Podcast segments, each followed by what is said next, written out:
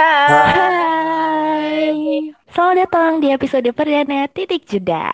Nah, pada episode kali ini kita bakal kedatangan tamu spesial yang bakalin ngomongin kisah seru dari LPDP Awardee yang telah mencoba LPDP berkali-kali, akhirnya tembus LPDP untuk percobaan yang ketiga. Kali ini kita kedatangan Muhammad Ahlan Sauro, lulusan S1 Hubungan Internasional Universitas Erlangga, lalu saat ini menjadi LPDP Awardee di National University of Singapore untuk jurusan Southeast Asian Study. Langsung aja nggak pakai lama-lama. Halo Mas. Nah ini untuk pertama mau nanya nih, kalau Mas ini termasuk orang yang tipenya gimana? Suka bikin target di tahun sekian harus mencapai sesuatu, umur 25 misalnya harus sudah dapat sekolah S2, lalu umur 30 harus sudah menikah, atau membiarkan hidup ini mengalir? Um, saya baginya jadi dua ya. Mhm. Uh, di pertengahan pertama 20-an itu lebih ke tertata, kemudian dengan target-target tertentu, tapi di lima terakhir itu agak mulai semakin berumur dan semakin tahu uh, bahwasanya nggak semua itu yang bisa di planning berjalan seperti biasa dan akhirnya ada mix antara planning dan juga uh, merelakan bahwasanya oh yang terjadi ya seperti ini kalau misalkan lancar ya alhamdulillah kalau enggak enggak tapi tetap dikejar Nah, ngomongin soal study abroad nih, sejak kapan sih Mas ini punya mimpi untuk bisa melanjutkan S2, apalagi di luar negeri dengan mendapatkan beasiswa?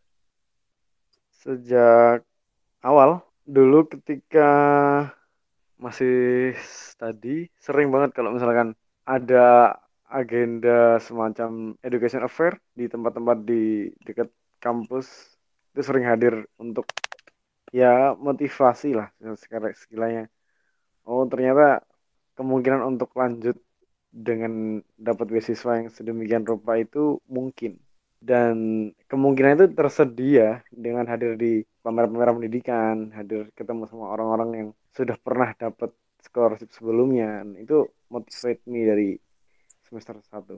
Buat apa sih Mas ngejar impian-impian Mas kayak target-targetnya yang pingin sekolah S2 dan macam-macam itu selain datang ke pameran pendidikan, ada nggak sih hal-hal lain yang Mas lakuin kayak mungkin les bahasa Inggris atau deket sama kakak angkatan yang udah jadi awardee atau seperti apa sih Mas? Oh itu banyak sekali. Uh, mungkin ketika dulu awal-awal itu sering ketemu sama temen sama orang kan banyak ya dari dari dulu ya. Jadi setiap hari itu seenggaknya ada tambahan lah teman itu satu karena ya friend is your own investment kan ya. Karena siapa nggak tahu ke depan temanmu itu jadi investasimu. Entah itu adik kelas atau kakak kelasmu. Nah dari situ ketemu sama teman-teman yang udah ada awardee bermacam-macam dari yang AAS, Sevening, LPDP dan lain sebagainya itu mulai nyari teman sebanyak-banyaknya. Kursus juga udah mulai, namun ketika lulus karena udah tahu bahwasanya salah satu syarat umumnya adalah bahasa Inggris IELTS, akhirnya fokusnya ke bahasa Inggris setelahnya. Jadi dari awal dulu ketika S1 itu udah ada semangat untuk kemudian nyari teman yang sekiranya bisa jadi motivasi karena sering ngobrol sama mereka jadi ada target yang terarahkan. Kemudian uh, apa namanya syarat-syarat sedikit demi sedikit sudah mulai terkumpulkan. Ya itu itu upaya-upaya dari dulu udah dikerjain seperti itu sih Pada saat proses Mas mengejar beasiswa LPDP ini, salah satu yang Mas usahakan adalah bahasa Inggrisnya. Dan aku kemarin Ya, sempat dengar uh, katanya Mas itu sampai tiga kali tes L- tes buat IELTS, which iya is benar untuk satu kali IELTS itu 3 juta. Berarti kalau misalkan tiga kali tes, Mas itu udah habis sembilan 9 juta sendiri. iya Itu cuman buat bahasa Inggris. Eh, semahal itukah perjuangannya Mas untuk bisa dapat LPDP sampai sekarang? Kalau misalkan diakumulasikan, misalkan eh, Mas juga pakai les atau ada biaya-biaya lain yang menurut Mas itu bisa ditotal, kira-kira sampai berapa sih untuk persiapan eh, ini? eh apa ya kalau misalkan dibilang iya emang perjuangannya di situ karena sempat yang tahap pertama itu agak belum maksimal akhirnya ambil tahap-tahap selanjutnya untuk memperbaiki karena kalau sekali fail kemudian nggak lanjut ya berhenti sampai situ jadi untuk angka nominal sekian itu kadang-kadang juga itu worth it kalau misalkan buat teman-teman yang ada dana karena kan juga harus nabung dulu. Jadi uh, nominal sekian itu kadang-kadang worth it untuk mengejar satu hal yang lebih priceless daripada yang lain. Sebenarnya salah strategi sih. Soalnya dulu ketika kuliah itu tahunya hanya TOEFL dan ketika nyampe di IELTS kaget. Mahasiswa-mahasiswa pada umumnya kan ketika dia di kampus uh, dia studi bahasa Inggris biasa, tapi ketika berhadapan dengan IELTS itu kaget karena satu biaya yang tinggi, nggak ada hmm. remedi. Kalau IELTS kan, eh kalau TOEFL biasa kan gede dikit lima ratus ribu gagal ya udah bisa bisa lagi. Tapi kalau IELTS nggak ada strategi salah strategi itu bisa waduh habis duit banyak. Lu waktu pertama kali tes skornya berapa itu? Lima lima setengah. Itu langsung kayak gimana gitu? Pernah nggak sih ada momen di mana masnya itu ngerasa kayak capek atau semacam kayak down gitu yang kayak kok aku nggak dapet dapet buat hal itu? Gitu. Padahal di umur mungkin di target-target umur mas sendiri yang kayak aku umur segini harus udah dapet S2 tapi gimana sih kok aku masih belum dapat juga. Gimana sih mas cara buat apa kayak overcome dari keinginan yang down gitu? Oke oke oke. Ini ini menarik menarik. Dulu ketika tahun 2018 kali kedua yang fail dari sekian yang dicoba itu sempat udahlah lempar handuk. Sempat mau lempar handuk dan udah nggak mau lanjutin lagi. Tetap ambil kemungkinan yang uh, self funding yang bayar sendiri cuma karena ketika itu uh, lagi dapat kerjaan di Jakarta dan uh, ada kemungkinan untuk ya nggak ada salahnya nyoba sekali lagi.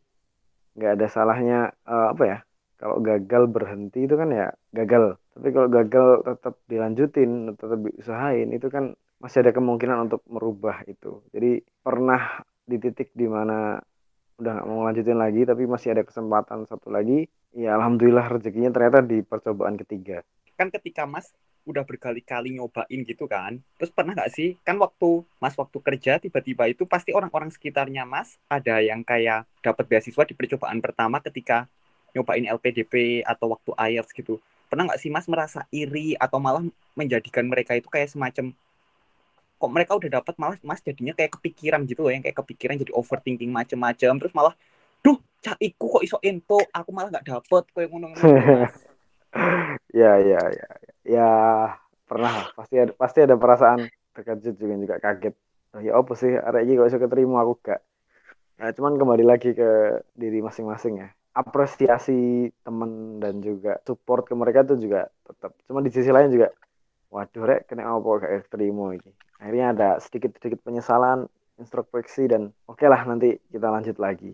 Karena ada faktor luck juga ketika kita ambil seleksi atau tes itu. Jadi dalam proses seleksi ya memang normalnya seperti itu. Ini tambah tua tambah agak sadar seperti itu. Jadi gagal itu wajar.